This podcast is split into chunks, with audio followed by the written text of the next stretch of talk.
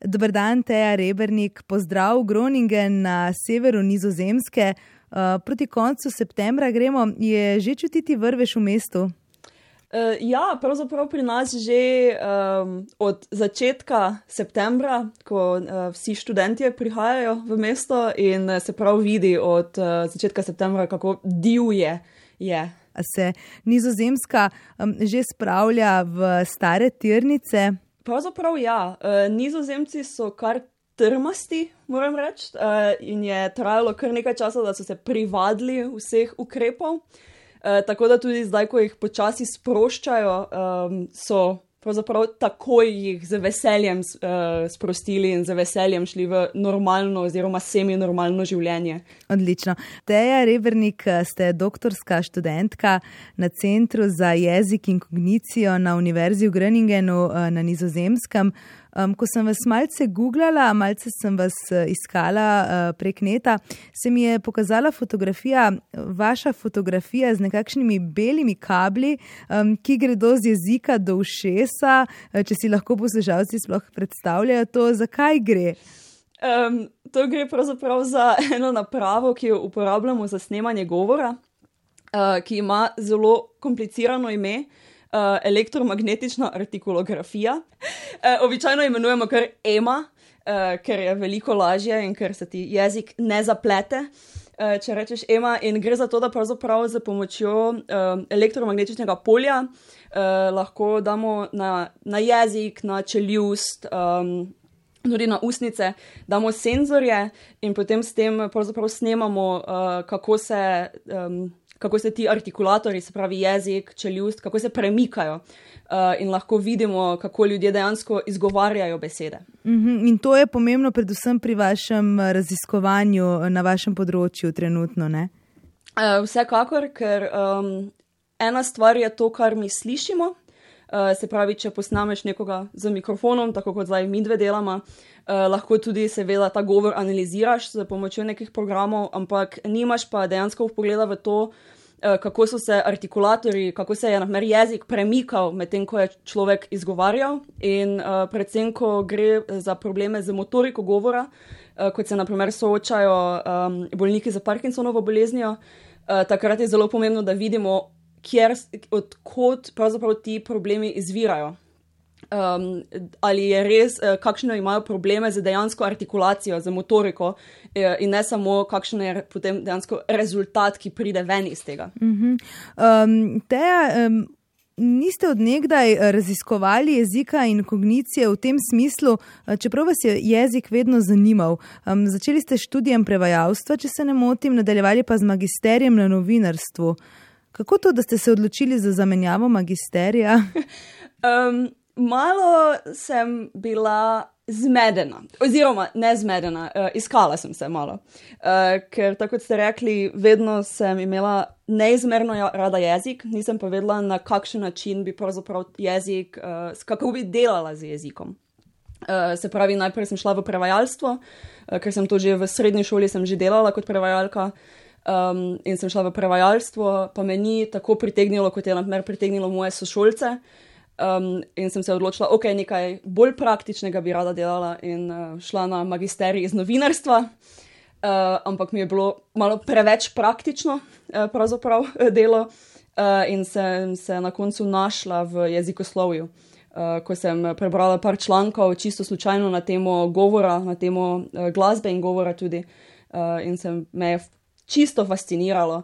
Eh, in sem šla na to na svoj uh, drugi magisterij na temo um, jezikoslovja. Nekje sem prebrala, da um, vas je ne, na neki točki začelo ravno to. Um, Fascinirati vas je začelo področje za motnje nadzora nad motoriko govora. Se pravi, um, začeli ste sodelovati z laboratorijem za govor v Greningenu in začeli ste raziskovati potem na področju govora pri um, Parkinsonovi bolezni. Zakaj Parkinsonova bolezen? Parkinsonova bolezen um, deloma tudi zato, ker uh, je moj dedek na uh, očetovi strani imel Parkinsonovo bolezen, tako da mi je bilo um, blizu na nek način. In ko sem videla, da um, je v tej raziskovalni skupini je, bil prost, je bilo prosto mesto uh, v projektu, ki je raziskoval um, govor v Parkinsonovi. In sem rekla, ok, bom poskusila, če me sprejmejo uh, za raziskovalno asistentko. Uh, in od takrat naprej sem bila v tem in sodelujem tudi na večjih drugih projektih uh, za druge motnje govora. Uh, ampak s Parkinsonovo se še vedno največ ubadam. Se pravi, nekako osebni razlogi so vas tudi vodili v raziskovanje? Ja, definitivno. Uh, težko je, predvsem, ko je nekaj tako osebnega, kot je govor, ker govor, pri govoru vseeno gre za komunikacijo, uh, kar je osnovna uh, življenjska potreba. Um, in uh, je težko se pravzaprav od, oddaljiti od te osebne povezave. Ja, človeška komunikacija je resnično uh, pomemben del uh, vsakdanjega življenja. Uh, brala sem nekaj um, zapisov um, ljudi s Parkinsonovo boleznjo, ki so razlagali, kako jim je neprijetno um, govoriti v javnosti, um, ker postanejo kar na neki točki um, trdi, neko tako mišično togost, uh, imajo rigidni, ne znajo se več izražati. Kako se ta sprememba komunikacije kaže pri bolnikih s Parkinsonovo boleznijo in zakaj jo je treba preučevati? Kaže se pravzaprav na več načinov. Um, dosti krat se začne tako, da um, naprimer. Bližnji od bolnika ugotovijo, uh, da morajo bolnika vedno opominjati na to, da mora spregovoriti glasneje, medtem ko se bolniku zdi, da joj, se pa že kričim, uh, zakaj bi mogel govoriti glasneje. Se pravi, nimajo več te, začnejo govoriti zelo tiho in nimajo več tega občutka uh, za nadzor glasnosti. Uh, na neki točki začnejo tudi momljati uh, in jih je zelo težko razumeti. Včasih imajo, tako kot ste rekli, probleme z tem, da uh, enostavno so mišice pretrde uh, ali pa uh, imajo tudi tresavico. In včasih tresavica je tudi uh, v jeziku. Uh, se pravi, v, v vseh mišicah je lahko, uh, in jezik je tudi ena, oziroma jezik in čeljust um, sta lahko tudi um, pod vplivom tresavice in je zelo težko govoriti. Uh, in zelo težko, in včasih traja toliko časa, da pravzaprav lahko spregovoriš eh, in da te lahko ljudje razumejo, da jim ni več veselje komunicirati z ljudmi. Uh, uh, in ali govoriti v javnosti, govoriti z prijatelji, da se potem res ti, govorijo samo s tistimi uh, najbližjimi, uh, koliko pač lahko. Mhm. To vi preučujete s tole napravo, z emo?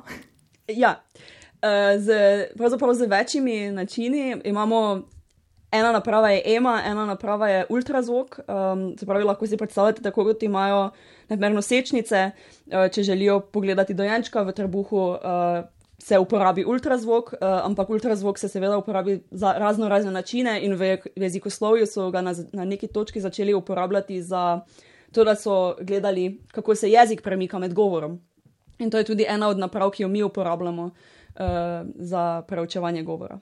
Uh, vemo, da je Parkinsonova um, bolezen uh, počasi napredujoča, uh, degenerativna bolezen uh, in um, tudi ni ozdravljiva, ne samo lahko um, lajšamo simptome. Glavni simptomi so, kot ste že omenili, tresavica, um, mišična togost, upočasnjeno gibanje, težave z ravnotežjem. Um, kdaj pa nastopijo težave z govorom? Že prej ali to poteka po kakšnih določenih sosledjih? Um, Največkrat v kasnejših uh, fazah bolezni uh, so najhujši problemi z govorom. Uh, v, v bolj zgodnih fazah uh, je mogoče to, da govorijo tišje, uh, potem pa več težav, kot imajo tudi z uh, motnjami gibanja, več težav imajo tudi običajno z motoriko govora. Teja Rebrnik. Um... Kako ste izvajali um, te um, raziskave? Vem, da je to leto bilo leto, ko verjetno niste imeli veliko stikov um, s posamezniki. Uh, kako pridobivate um, uh, pacijente, um, da se pridružijo tej raziskavi, da vam pomagajo na nek način? Veliko krat uh, objavimo, uh, se pravi, objavimo naše reklame uh, najboljše reči, uh, na spletnih straneh kakšnih organizacij, tudi na, naprimer, dosti uporabljamo Facebook, Twitter, vsa socialna omrežja, uh, ker ljudje poznajo nekoga, ki pozna nekoga za Parkinsonovo, naprimer, in uh, potem tako pritegnemo ljudi, da sodelujejo. Zdaj, seveda, v zadnjem letu pa pol ni bilo nič. tudi zato, ker delamo z temi senzori, ker, ki jih moramo dejansko v usta ljudi uh, dati in to. Kot si znate predstavljati, delamo dejansko z slino, delamo zelo blizu. Ne, tega definitivno ne moreš narediti preko spleta, definitivno ne moreš narediti tako, da bi obdržal meter pa pol razdalje. Ja, zadnje, zadnje raziskave ste imeli leta 2019, eh, se bodo zdaj spet vzpostavile? Ja, eh, zdaj so se pravzaprav vzpostavile. Eh, pred kakim mesecem dni smo bili na prvem festivalu po dveh letih. Pravzaprav. Te dni bomo spet začeli, se pravi v začetku oktobra imamo načrtovane bolnike, da začnemo izvajati raziskavo in se prav veselim po dolgem času, da bomo spet srečali ljudi. Da bo spet šlo za empirično študijo. Ja, in ne samo za študijo literature in študijo z napravami, kjer smo samo zaprti v laboratoriju in je to to.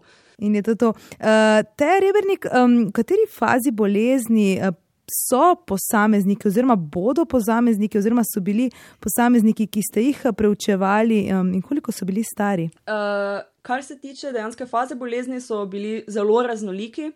Um, ker ne omejujemo na fazo bolezni, ker med drugim nas tudi zanima, kako uh, se govor spreminja z fazo bolezni. Uh, tako da tudi v svoji študiji zdaj ne omejujem uh, bolnikov po fazi, v kateri so. Um, običajno imamo bolnike, ki so stari nad 50 let, tudi Eh, bolezen sama se najpogosteje pojavi pri ljudeh, ki so nad 60 eh, in so tako naši eh, sodelujoči, pravzaprav tudi med recimo 50 in 70 let stari. Ko ste imeli prvo raziskavo um, leta 2019, um, kaj ste odkrili, oziroma kje se te rezultati lahko uporabijo? Um, se pravi, študija, ki je bila narejena leta 2019, mojega sodelavca Jedeja Jakobija, uh, Uh, in on je preučeval koordinacijo govora.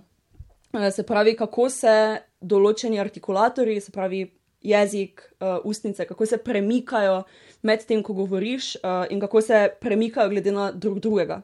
Uh, se pravi, če poskušaš izgovoriti uh, vem, uh, zvok M, uh, se bodo ustnice razprle in tako rečeš M.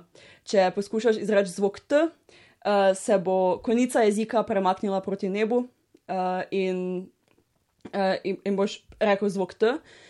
Ampak za to je pravzaprav potrebna koordinacija zelo veliko mišic in to so samo posamezni zvoki. Uh, ko poskušaš te zvoke skupaj izgovoriti, uh, se pravi, ne vem, tata ali mama, če poskušaš res nekaj preprostega reči, uh, moraš vedeti, kam se jezik mora natančno premakniti um, v točno določenem trenutku. In, moj, in to je moj uh, sodelavec raziskoval, in kaj smo ugotovili, uh, je pravzaprav to, da um, je ta koordinacija govora pri bolnikih z Parkinsonovo boleznijo drugačna kot um, koordinacija pri zdravih uh, ljudeh, ki so približno iste starosti uh, in istega spola. Uh, kar se tiče dejanske uporabnosti, ker seveda mi raziskujemo eno zelo specifično stvar, uh, največkrat, uh, kjer je to najbolj pomembno, je predvsem pri izvajanju uh, terapij. Se pravi, za logopedske namene, uh, ker če ti ne veš, kje natančno je problem, uh, odkot izvira problem, ne moreš imeti zelo dobrih, zelo ciljnih terapij, ki tem bolnikom dejansko pomagajo. Uh, tako da to je nekako najbolj, uh, najbolj pomemben del našega dela, pravzaprav. je, da poskušamo najti nekaj, kar bo pomagalo izboljšati življenje in komunikacijo bolnikov z Parkinsonom. Uh -huh. um, rekli ste, da je bila to študija vašega kolega. Um, kakšne študije se boste pa lotevali zdaj le um, oktobra? ko se spet začnejo te eh, študije empirične? Oktobra se bom lotila svoje lastne študije um, za doktorsko uh, nalogo. Kar jaz želim preučevati, je, kako bolniki s Parkinsonovo boleznijo načrtujejo svoj govor. Se pravi, ko ti govoriš, moraš vedno vedeti, kaj boš pravzaprav rekel. Se pravi, kateri zvok boš izgovoril, uh, in to so pač procesi, ki so v možganjih. Um, ampak problem tega je seveda, da je Parkinsonova bolezen je degenerativna bolezen, se pravi, ki vpliva na možgane, kar pomeni, da na neki točki to vpliva tudi um, na, na govor in to zna vplivati na govor tudi um, v fazi že načrtovanja govora. Se pravi, da ni samo problem v tem, da ne bi znali več nekaj izgovoriti, ampak tudi v tem, da ne vejo več, kako natančno načrtovati nek določen zvok ali sekvenco zvokov, običajno gre za sekvenco, posamezni zvoki niso problem. Uh, in to me zanima v moji študiji, kako, um, kako načrtujejo svoj govor, uh, ker ko ti govoriš, uh, slišiš, kaj si rekel, tudi čutiš, kaj si rekel. Se pravi, um, dobiš dvojno informacijo, se pravi, dobiš informacijo iz, uh, naprimer, kako se ti je jezik premaknil, ampak dobiš tudi informacijo o tem, kak je bil rezultat tega, da se je tvoj jezik premaknil. Uh, in uh, mene pravzaprav zanima, če še oni vedno v redu pridobivajo te informacije, če še vedno so, um, se zavedajo tega, uh, kaj so slišali. Mhm. Um, Teja Rebernik, ste doktorska študentka na Centru za jezik in kognicijo na Univerzi v Groningenu na Nizozemskem. Um, ne vem, če je to še aktualno, uh, ampak vem, da ste imeli ali imate še uh, mobilni laboratorij z vašo podobo. Kaj to pomeni? Um, to pomeni, da nismo imeli dovolj uh, fotomodelov in sem jaz uh, skočila na pomoč. Um, ja, imamo mobilni laboratorij, na katerega smo zelo ponosni. Uh, se pravi, naša filozofska fakulteta uh, ima uh, mobilni laboratorij, ki je pravzaprav narejen za, um, tudi za intervjuje, med drugim, ampak predvsem za raziskave na temo govora. Uh, ker v naši raziskovalni skupini je veliko ljudi, ki delujejo na, na področju govora, ampak tudi na področju dialektov, naprimer. In um, smo kako leto dni nazaj zdaj dobili mobilni laboratorij, uh, ki nam pravzaprav pomaga pri tem, da lahko gremo k sodelujočim. Uh, se pravi, in v primeru uh, mojih raziskav, uh, kjer delamo z bolniki, uh, pa tudi v primeru kakšnih uh, dialekt, uh, dialektoloških raziskav, zelo pomaga, da ne rabiš reči človeku, ok, v redu, super, sodeluješ z nami, uh, zdaj pa pridi, pa se vozi eno uro, zato da prideš uh, k nam v laboratorij, da bomo dejansko naredili raziskavo. Ampak lahko rečemo, ok, super, kdaj imaš čas, pridemo k tebi, se pripeljemo k tebi in imamo vso dobro opremo, za katero lahko posnamemo in izvedemo raziskavo. Ja, eh, Teja Revernik, zdi se, da ste eh, res zelo upeti v samo raziskovanje, eh, mobilni laboratorij, pa fakulteta. Zdaj le se vam spet začne empirična študija po letu in pol. Um, vem pa tudi, da ste izdali že tudi kar nekaj znanstvenih člankov. Um, vas po doktorskem študiju Mika oziroma čaka akademska karijera? Ne vem. Um, tu pri nas dosti krat rečejo, da. Um, po štirih letih, petih letih uh, doktorskega študija si nihče več ne želi iti v uh, akademski svet. Um, jaz sem že trenutno neodločena.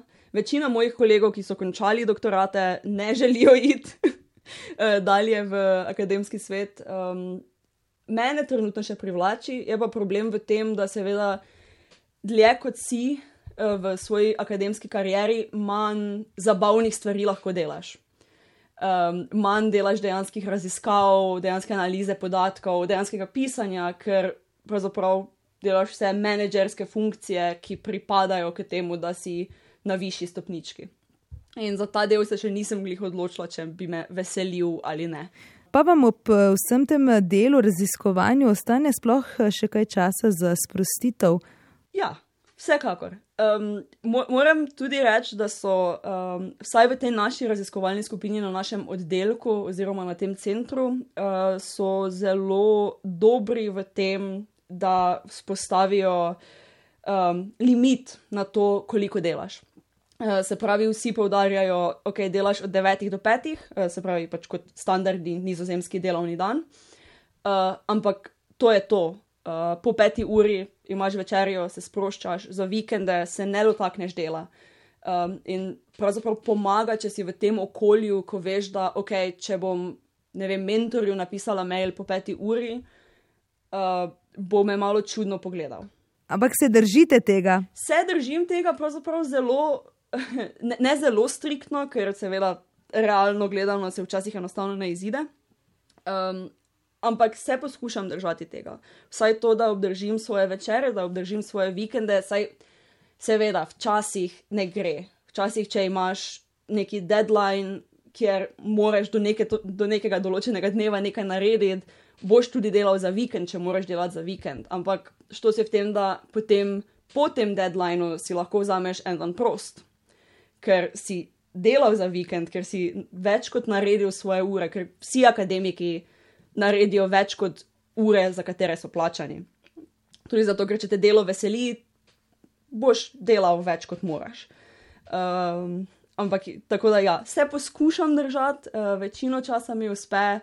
Uh, tudi partner pomaga, kolegi pomagajo, uh, da imaš nekaj zabavnega za delati. Pa boste um, ostali na Nizozemskem ali se boste vrnili v Slovenijo? Uh, ne, nisem se še čisto odločila. Zdaj tudi zato, ker moj partner dela, trenutno dela v Hagu, um, ampak uh, seveda z, z delom nadaljavo je malo lažje tedni, ker ne rabiš se preseliti v Hag, ampak lahko dela od tu um, ampak je na takem področju, da, se, da se bo verjetno moral seliti. Uh, jaz sem tudi, v, če želimo ostati v akademskem svetu, je šansa, da se bo mogla nekam drugam preseliti. Uh, z veseljem bi se vrnila v Slovenijo. Uh, malo imam probleme s tem, kaj bi natančno delala v Sloveniji, uh, ker so to tako spe zelo specifične um, raziskovalne niše, v, v katerih delam, da bi potem res mogla malo razmisliti, kaj bi res najbolj, uh, bilo najbolj koristno, uh, kaj, katero znanje bi lahko prenesla, ampak uh, z, definitivno pa hočemo ohraniti stike. In tudi redno prihajam v Slovenijo, uh, preživljam dlje časa tam tudi. Uh -huh. Um, Teja Rebernik, jam ste doktorska študentka na Centru za jezik in kognicijo na Univerzi v Greningenu na nizozemskem. Z nami ste um, delili kar nekaj um, res zanimivih pogledov v vaše delo, uh, pa tudi v vaše um, življenje, ko imate nekaj prostih um, ur. Um, najlepša hvala za tale uvid. Um, Vse to, kar delate, um, lepo je bilo klepetati z vami. Kaj vas čaka po tem pogovoru? Po tem pogovoru me čaka večerja. Ja, potem pa uh, dober tek in uh, hvala, srečno. Najlepša hvala.